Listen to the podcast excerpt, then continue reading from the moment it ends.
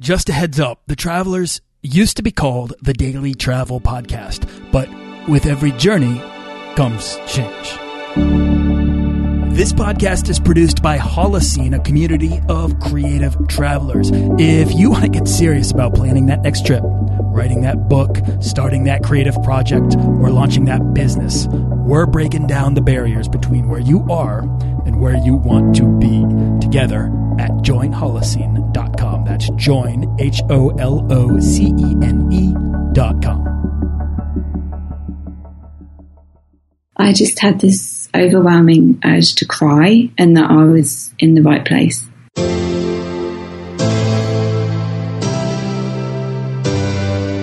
This is a series of stories with fascinating people about things unexpected. Nowadays, it's not as if women are going anywhere that women haven't been before. I think it's easy to travel as a woman nowadays. This is the Daily Travel Podcast. I'd forgotten who I was. I was now this completely new person. This is about going to the limits of our curiosity and creativity and writing the stories that make up our lives. For me, I had to take myself out of my comfort zone, go traveling, and just find out. This is a show about exploring the world to better know ourselves and about turning ourselves inside out to better know the world. And I kind of realised that the conventional life, again, wasn't for me, even though I kept trying to fit myself into it. So, so I left.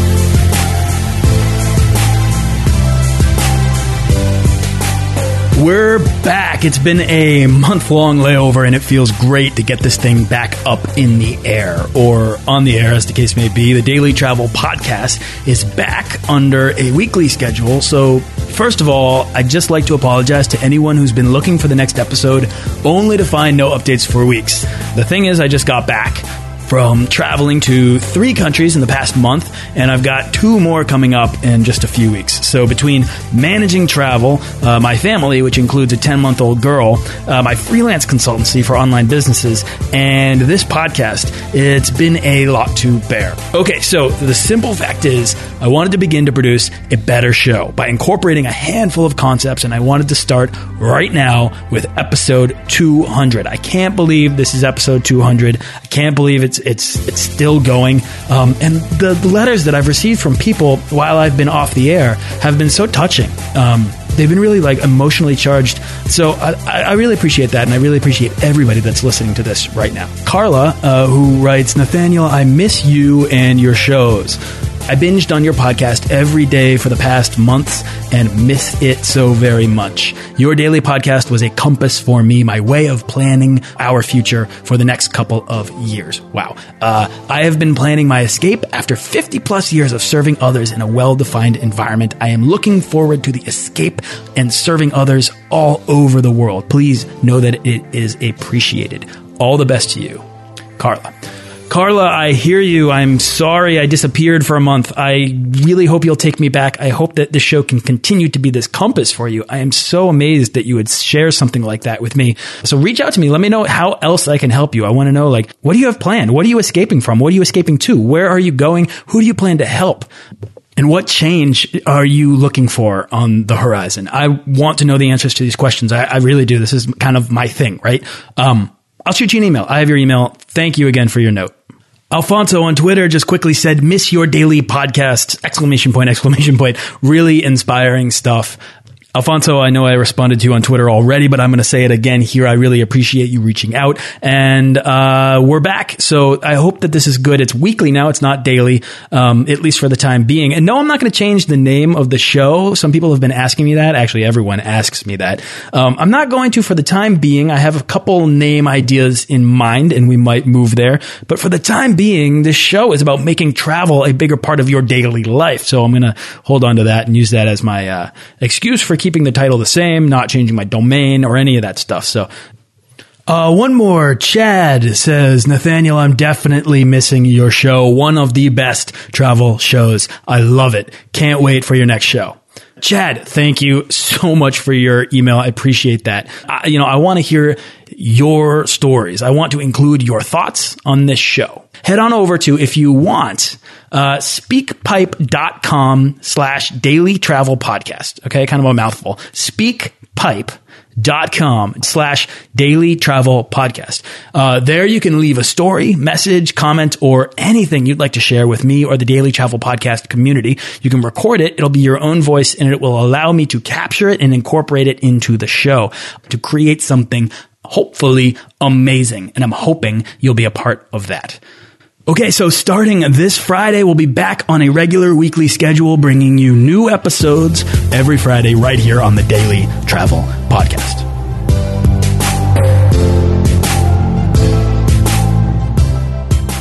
Lisa Eldridge is an author and journalist whose work's been published by Insight Guides, Sunday Times Travel, Real Travel. Um, she has a background in the travel industry, and with that background, she set out at 21 to live and work in numerous countries, totaling 85, I think is right. Lisa, is that right?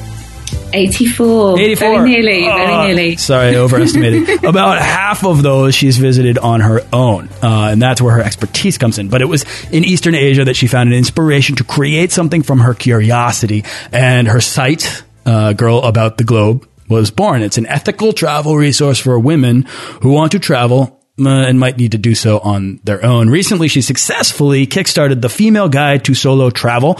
Um, I'm sure we'll touch on that. Solo female travel, it's a topic that we get into a lot on this show, and we're going to be exploring that a little bit this month. Um, I wanted to chat with Lisa at a deeper level about the complexities and differences of being a woman on the road why it's harder for women to find the same sort of transformative experience on the road as I did and continue to do in my travels. Um, it's a big thing. I sort of I preach the ability to get lost. I appreciate the the uh, value of exploration and the emotional value of travel. Um, these things at times can appear a little bit more out of uh, reach for women. And that is why solo female travel is a thing. And I really want to get into that with Lisa. So, um, Lisa Eldridge, thanks for coming on the show.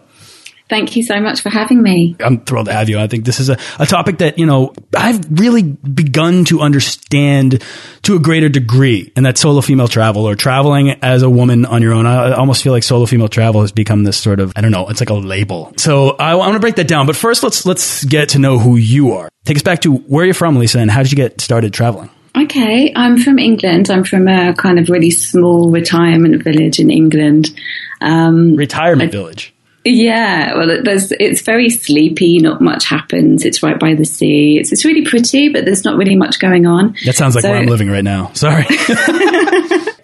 so I think I, at the age of 21, I, I really wanted to go and see what the rest of the world was like, and I applied for every single job going um, for the Olympics, for working on a cruise ship.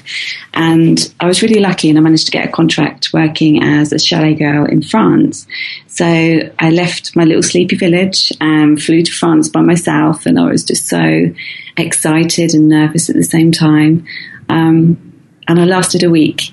and then and then I came back. I was so homesick. I was kind of thinking, what am I doing? Why am I leaving my home and my friends and my family? And I came back and then that I still had that wanderlust bug. So then I started to apply for more things. My next trip was two and a half months. Um, the following one was nine months, and then I gradually built it up to a year. So it, it, took me it took me quite a long time. I didn't really start traveling until I was twenty one. Um, so nowadays I see a lot of younger women who are traveling by themselves, and I, I, I like really really take my hats off to them for, for traveling so young. Well, Lisa, let me ask did your family not take you out much? No, we never went abroad actually. We went to, I used to live opposite the Isle of Wight, which is this um, island. It's half an hour away from my hometown. So we used to go there for the summer, or we used to go camping or stay in caravans. But I, I was never taken abroad. Like my friends um, were taken like, to Disney World and things like that. And so I'd never known what the rest of the world was like. I kind of I was in my little England bubble. Well, then what was it that called you sort of to adventure? What was the thing that sparked your curiosity? I think I was doing I was working in an office job, and um, I just thought, is this it? Like, I wasn't I wasn't happy.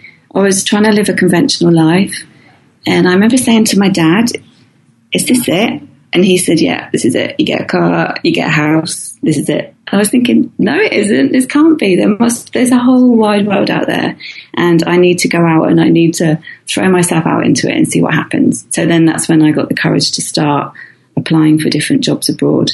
And for me, that was the easiest step rather than actually getting on a plane and going traveling. I, having a job meant that I had somebody meeting me at the other end. Um, I had something secure. I was earning money as well. You know, to be told this is it, that's scary. I mean, how does that make you feel? And then I'm just curious, like, I think, to be honest, it was too much of a transition for me at that time. Um, I remember feeling really free when I was on the when I was on the plane, and then I when I got there, I think I just wanted to retreat back into into my little safety conventional zone. I was meeting people from all over the world. I was doing waitressing in a hotel and having to go up and introduce myself to tables of people, which for me then was terrifying because I was so shy. Um, so I just I wanted to go back to the safety of my conventional life and my office job. So I think that's probably why I went home. And then when I got home, I thought, this is silly. What am I doing? When you were there and you were in France, what does homesickness feel like to you? Can you remember that? Yeah, I was. I had a boyfriend at the time as well, so I was. I was just. I was just crying a lot. I just remember being very scared very scared of what was the other side of my safety world and being out of my parents' grasp. It's just just scary. How did you know that travel would lead you to the thing that you needed to find? I mean, what was it about if this was so difficult for you and you actually retreated upon your first attempt? I mean, why did you keep going? Why did you keep trying? I think when you have wanderlust, it's really hard to get rid of it. And I felt like the wanderlust was driving me. So I'd keep coming back and trying to fit into this conventional mo- mode. Um, and then something inside me would just say, this isn't enough for me. I, I can't do this. I can't live this kind of life. So then it would push me. I'd get that courage and that confidence to to find another job or to go away again, and then I'd last a bit longer, and then I'd come back, and then that wanderlust bug would just get me again. So it's like something was just pushing me out there and saying to me, you need to get out there and experience this. You need to get out of your comfort zone because looking back now, it's like a comfort bubble. And I know a lot of people are kind of afraid to leave that. But for me, that's the only way that I could grow and the only way that I could get confidence was to keep taking myself out of that so, was there a moment then in your travels, maybe on the two and a half month trip or the nine month trip or the one year trip, that uh, informed you that you could suddenly stand on your own two feet, that you didn't need to go home, that this was something that you could do, you could do perpetually or indefinitely or regularly? Um, or was this sort of transformation entirely a gradual process?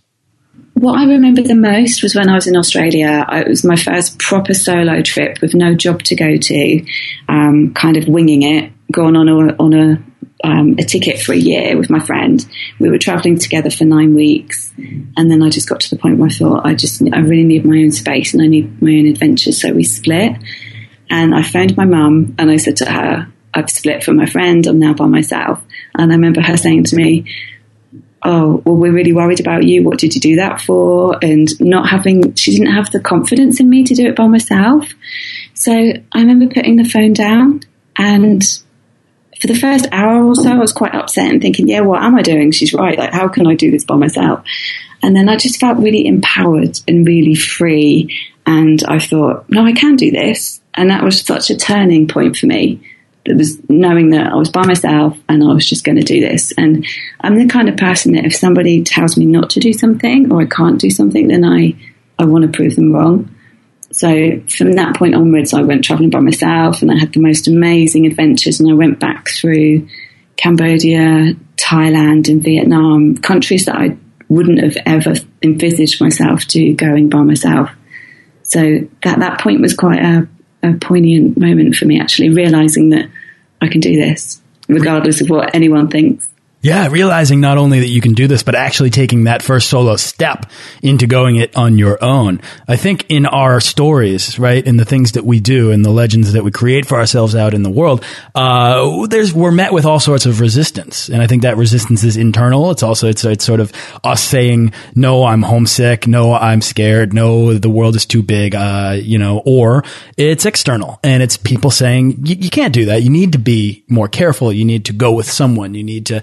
Etc. You know, and I and eventually, I think you need to take that step outside of your comfort zone into an extraordinary world uh, that is unknown to you. Otherwise, it's you're going to be going about doing the same sort of thing. You need to make that. You need to turn that corner, and it sounds like you did. I love that your answer to this is directly tied to the thing that you're sort of now um, infatuated with, which is this idea of solo female travel. This idea that you can uh, inspire and encourage other women to make that same decision to go it alone, to to to don't let uh, you know a desire to travel pass you by simply because you're the only one feeling it.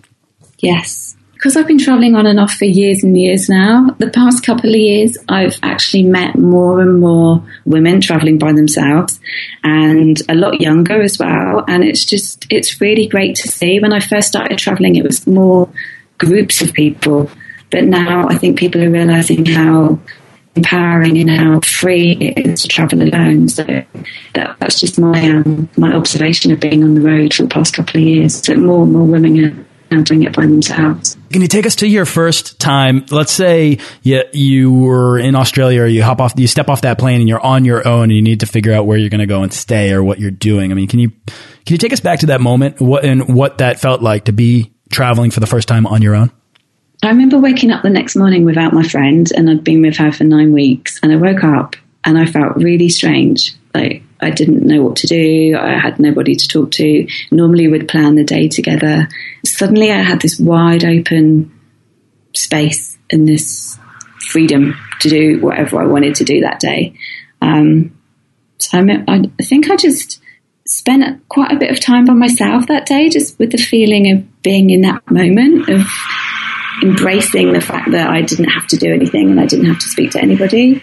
Did that make you feel good or did that make you feel sort of overwhelmed with the possibilities? It made me feel good. Good. Okay. Yeah, it, it just made me feel free. I remember. Just, it, I'm sorry. I just I remember being on the, I just wanted to clarify my question because I remember being on the road and being um, alone and thinking, you know, waking up each morning and traveling by myself and thinking, what am I going to do today? As freeing as it was and as great as it was, at the same time, I felt like if I had someone to bounce ideas off of, I might, it might be easier to be decisive about how to spend my time. Instead, I found that traveling on my own would just lead me to sort of wander. And that would be a great thing. I mean, that's something that I encourage everyone to do. It just, it, it ended up almost defining the style of travel that I had. I guess it depends what kind of style you have, actually. Because for me, I always go with my instinct and I don't use a guidebook. I always research countries before I go for safe um, safety areas and danger spots. But I always go with my instinct. Um, so, for example, that day I actually met two amazing people and they were going on a road trip and they invited me on a road trip with them to go camping. And I had nobody to, to check with. I had nobody to say, Do you mind if I do this? So I could just go off and do whatever I wanted to do. So it was just amazing that sense of freedom. And now I'm, i guess I'm a bit more of a planner, even though I do go with my instincts. So I do leave a few days free. And then if I meet people on the road, which you always do, and people lead to different circumstances and situations, and you can have amazing friendships for a few days on the road, then I've got that ability to be able to change my plans um, at the last minute or to spend an extra day somewhere. So that's the beauty of traveling alone rather than just wandering. You meet two amazing people and you, they invite you to come along with them. And so you go on a road trip and um, stay with them. Were these two people men? Were there a man and a woman? It was a man and a woman. Okay, so yes. let's be general here. I, I, the circumstances, I'm sure you meet these people, you get to know them, you spend time with them, and then they invite you along. And at that point, you've built a trusting rapport. And a friend of mine recently gave an amazing keynote at the Women in Travel Summit, and she was pointing out that, you know, for example, uh, she knows somebody who was spending some time in, I think it was Bali, was invited by a guy to come over to his home and have a home cooked dinner. Her point was, if I was invited by a guy back to his home to have a home cooked dinner, I would not do it. But for this guy, it was a transformative experience. And I think when you're pointing out that you meet two amazing people on the road and they invite you to go and do something, it's a different decision for a woman than it is for a man. I had never thought about that because I had a similar experience in Bali, invited back to someone's house, completely changed my life.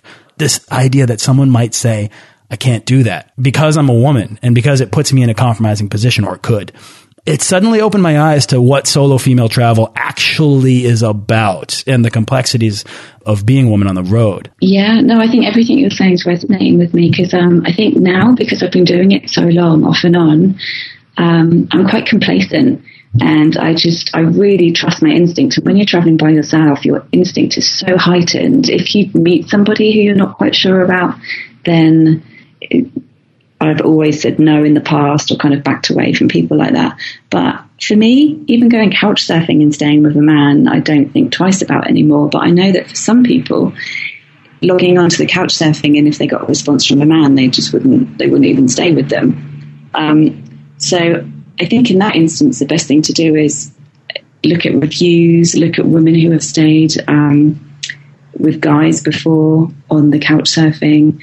Um, go with your instinct. What, what I've always done, instead of going back to somebody's house by myself, like try to avoid that one on one with a man, um, because as a woman you are more vulnerable, to be honest, which is it's, not um, great to say, but it's the reality of it. So to try and avoid that going back with a guy and meet them for coffee, you don't necessarily have to go back to their apartment if you don't feel comfortable. You can just meet them in a neutral place and get and get to know somebody. I think that's the key is get to know somebody, familiarize yourself with the environment, never be led, always make your own decisions, right? I mean, I think these are common sense statements, but they have to apply, uh, in some basis uh, to what we're talking about. Speaking of what we're talking about, do you think this thing, this complexity, um, makes it harder for women who are traveling alone to have or find that transformative experience? In, in um, compared to a man, do you mean? That's, yeah, that's what I mean. Not necessarily, because nowadays I think it's so much easier okay, um, to travel as a woman. And I think so many more places are vetted. So, say, for example, you can get a taxi, you can get an Uber taxi nowadays, and all the taxi drivers are vetted. You can stay in hostels, and they've all got recommendations on location, security, couch surfing. People are all vetted. Um, obviously, there's people that slip through the net, but I think it's it's easier to travel and there's so much more information online, even about culture and if you're traveling to Latin America, for example, about the way that certain countries see Western women. So you can you can be aware before you actually travel to the country. So I think that planning can help take the anxiety out of the trip for you. Um, obviously, if you haven't planned and you're just going to a country, then it, it might be difficult to find your your eat, pray, love. But if you do some planning, find out how how you come across, um, be aware of gestures and body language, um, and and it's not as if you're nowadays. It's not as if women are going anywhere that women haven't been before. So they're going on trodden paths where other solo women have been. So there's there's just so much more information. It's it's I think it's easy to travel as a woman nowadays. Okay, so that that's I mean that's really encouraging statement to make, and I think that's important to convey that to anyone who's hesitant about taking that first step. Uh, it's almost as if Lisa, you're suggesting that people find systems for safety and then rely on those um, to help you plan, to help you make steps that you feel familiar taking. Yes, before you go before you go to a country to, to plan your trip, so you don't have to have a, a, a complete itinerary booked, but just have a rough idea of where you're going to go and how many days you're going to spend in each country. Leave a rough itinerary with somebody at home. Um, make sure that you check in with people at least once a week or whenever, how often you arrange. Always check the foreign, if you're coming from the UK, always check the Foreign Office website for any hotspots um, or areas that you should avoid. Um, just putting a few precautions in place before you travel just makes you feel more comfortable when, when you're away and makes your family feel more comfortable as well. I think that's hugely important. Staying in touch, staying in communication. I mean, are you constantly in uh, communication? Do you take SIM cards wherever you go, or is that something you don't worry about? Yeah, I do actually. I use Facebook quite a lot. And if I'm going to be doing a jungle trek or something for a few days, then I actually put it on Facebook. I put I'm going to be offline for a few days so that if somebody's sending me a message, because my family now on Facebook, so if somebody's sending a message or need to get needs to get hold of me, then they know that I'm off the grid, for example, so they're not going to worry. So I always say, this is where I'm going to go next. Um, but I'll give you a call when I get back. Lisa, let me ask you then, like, what was your, you, you mentioned, uh, finding your eat, pray, love. What was your eat, pray, love? my turning point for my Eat, Pray, Love, um, I was married for a couple of years and I kind of realized that the conventional life again wasn't for me, even though I kept trying to fit myself into it. Mm, so, so I left again. I left my job. I left my ex-husband. I left my house, and from the book Eat, Pray, Love, I flew to an ashram in India and I did yoga for a week just to kind of find out who I was again because I'd been in a relationship for so long, I'd forgotten who I was. And I wasn't Lisa before the relationship. I was now this completely new person that had been molded by my marriage experience. So for me, I had to take myself out of my comfort zone, go traveling and just find out what made me tick again and what I loved doing and who I was. And for me, traveling solo empowers me and it gives me the confidence back. Um, I, really think that pushing yourself and overcoming boundaries and challenges by yourself, you can't beat that. It just makes you realize how strong you are inside for you, you built a whole life. I mean, I hadn't even realized that there was this this concept of having the job and having the relationship and having this sort of definition for yourself, this conventional idea of who who you're supposed to be. Um, building all of that up, only to find out that you might actually be living the wrong life. and yes. then, right? Yeah. I mean, that's a, that's astounding. That it must be an astounding realization. Um, and then to go and find a uh, sense of being at home on the road. Exactly. Because for most people, I would say having security makes them feel secure. So, for example, their, their form of security would be a house, um, a partner, a car, you know, everything that's conventionally secure. But for me, I feel more at home and more secure within myself with my inner strength is when I'm out of my comfort zone and when I have no responsibilities and no security. So for me, it's it's the opposite which makes me feel me, makes me feel alive. How hard was that decision to sort of break away and to leave? I mean, to depart from that life that you had built. How hard was that to explain to other people so that they could understand the decision that you were making for yourself? It was really hard, really, really hard because you're going, at the time, I was going through a breakup. Um, and then I was going through everybody's opinions of what I was doing. So um, them not understanding why I didn't want to get flat, I didn't want to get another job, I didn't want to get a car. And even before I went on my two month trip, people would say to me, So what are you going to do when you get back? I was thinking, well, I haven't even gone. I just, I don't know. I need to just get out there and do it. So society's perception of what you should be, I was kind of fighting against that at the same time as well as going through a breakup. And I must admit, after India, I didn't go to the, the kindest countries for a solo female. I went to Mongolia to work as a TV journalist for a few weeks. Then I went to China and I remember thinking, what am I doing? I had, I had a great husband. I had a great house. I had all this safety, this big safety net, and I've taken myself out of it and I don't am I doing the right thing? Like, what is this going to lead to? So it was difficult, really difficult. And there were moments on the road when I was just distraught and confused. But I think once you take that giant leap of faith, the only way is forward. And it's natural to want to go back to something that's really safe and want to go back to your old life. But you just keep going forward and then just trust in whatever you, whatever you believe to trust in. For me, it's the universe. And I just trusted that everything would be okay. And since then, doors have opened, and I, I don't regret that at all. I'm definitely living the right life for me now. Let me ask you, are there any anchors in your life back home that you maintain, these things that you sort of hold tight to as you swing yourself around the world? I think that we all sort of have these tethers in our lives, you know, and um, for some of us, there are things that require more of our time and attention. And um, and I think that you know, like for me, I travel regularly, but I have a family back home, right? So I return to them, and uh, they encourage me to go. And as a result, it kind of um, I'm able to slingshot myself around the world, but I keep coming back to them as sort of my tether. I'm just wondering if you have something similar in your life, or not, if you've cut that. Yeah, I've cut that. I think from I knew that England wasn't my home for years and years, and I eventually left last year on a one-way ticket, and I ended up in Colombia. So at the moment, I'm living in Colombia, and it, again, people were saying to me, um, "I don't understand why you're going away. What you can't get in the UK. Um, what if you never find somewhere that you want to settle?" Because I was worried that I'd never, I'd just end up being this just person just roaming the globe and just lost, like a wandering soul, just not knowing where to settle. Um, but I found a home in Colombia, so I felt felt like I'd outgrown my roots. I mean, England's always going to be my roots, but I don't really feel that emotional attachment to it anymore.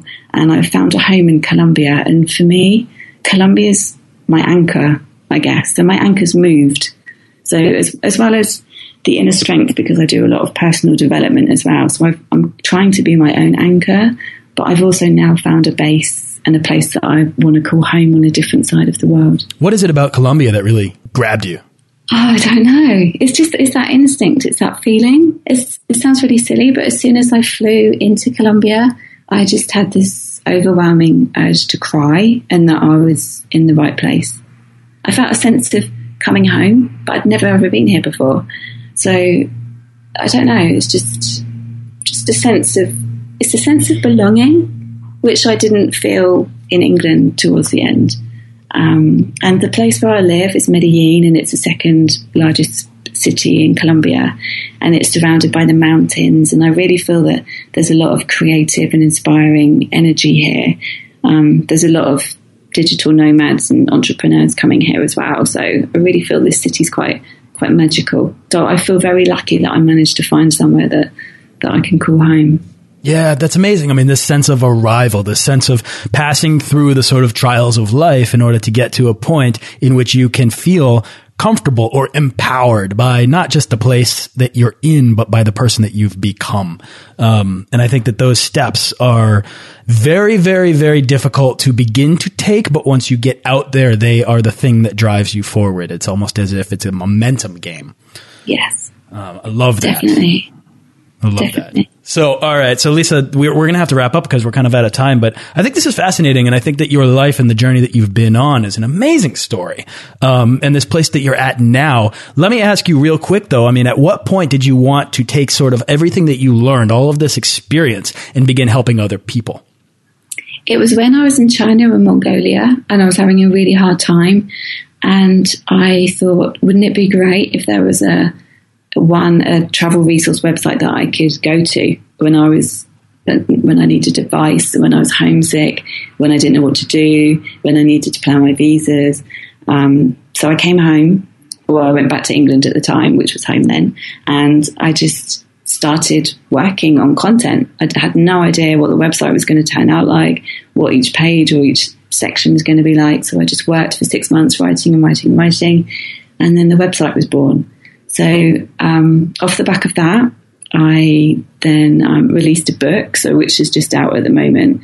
So my background's in the travel industry, so it's kind of everything I've learned in the travel industry, plus everything I've learned on the road as well. So I'm I'm trying to encourage other women not to lead an unconventional life because that's a completely, you know, that's just my story and my background, but to take a, a dip their toes in the world of solo travel and just see that it's not as scary as what they think and it helps empower you and it helps give you more confidence and just to get that momentum up.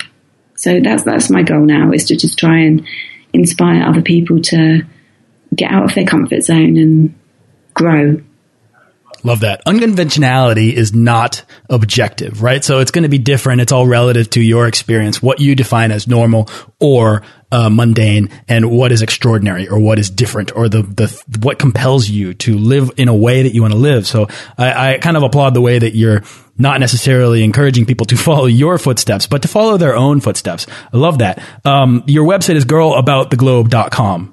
And yes. recently you just successfully kickstarted the female guide to solo travel. Tell me about what your plans are for that and um, and what it is. Yeah. yeah. Okay. So it's really exciting. It's um cool. it's the most it's the most comprehensive solo travel book on the market for women traveling alone, and it covers everything. It took me quite a long time to write because I was trying to get every single thing in there.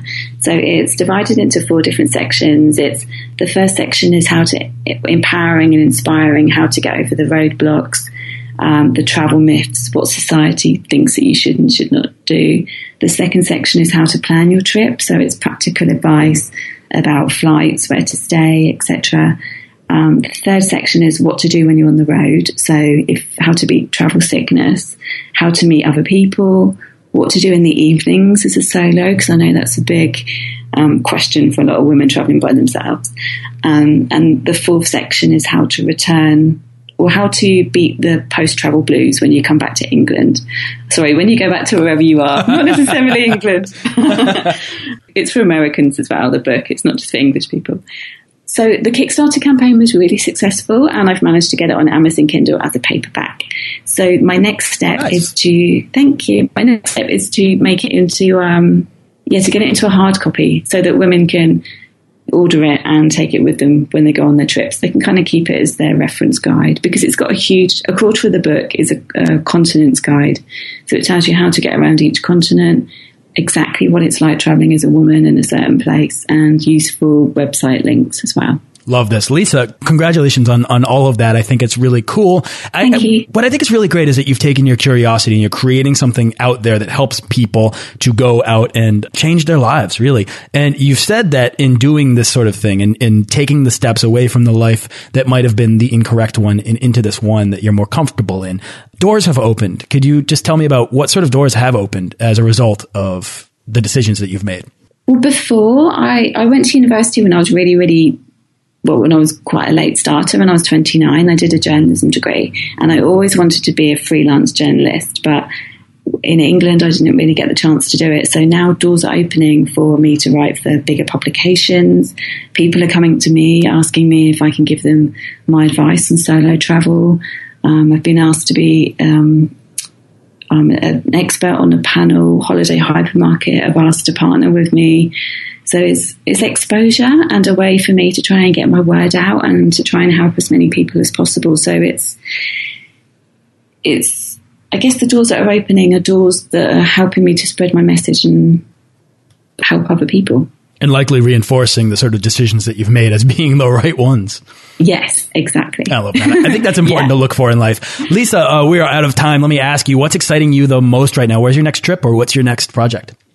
In nine days' time, I'm actually I'm going to go to Costa Rica and I'm going to experience um, Costa Rica as a solo traveler, and then Nicaragua, and then I'm hoping to go to the Caribbean because the Caribbean is kind of it's got this image of being romantic and for couples. So I want to experience a few of the islands and see if they have anything to offer for solo travelers, and whether you can do that on a budget as well. Love it.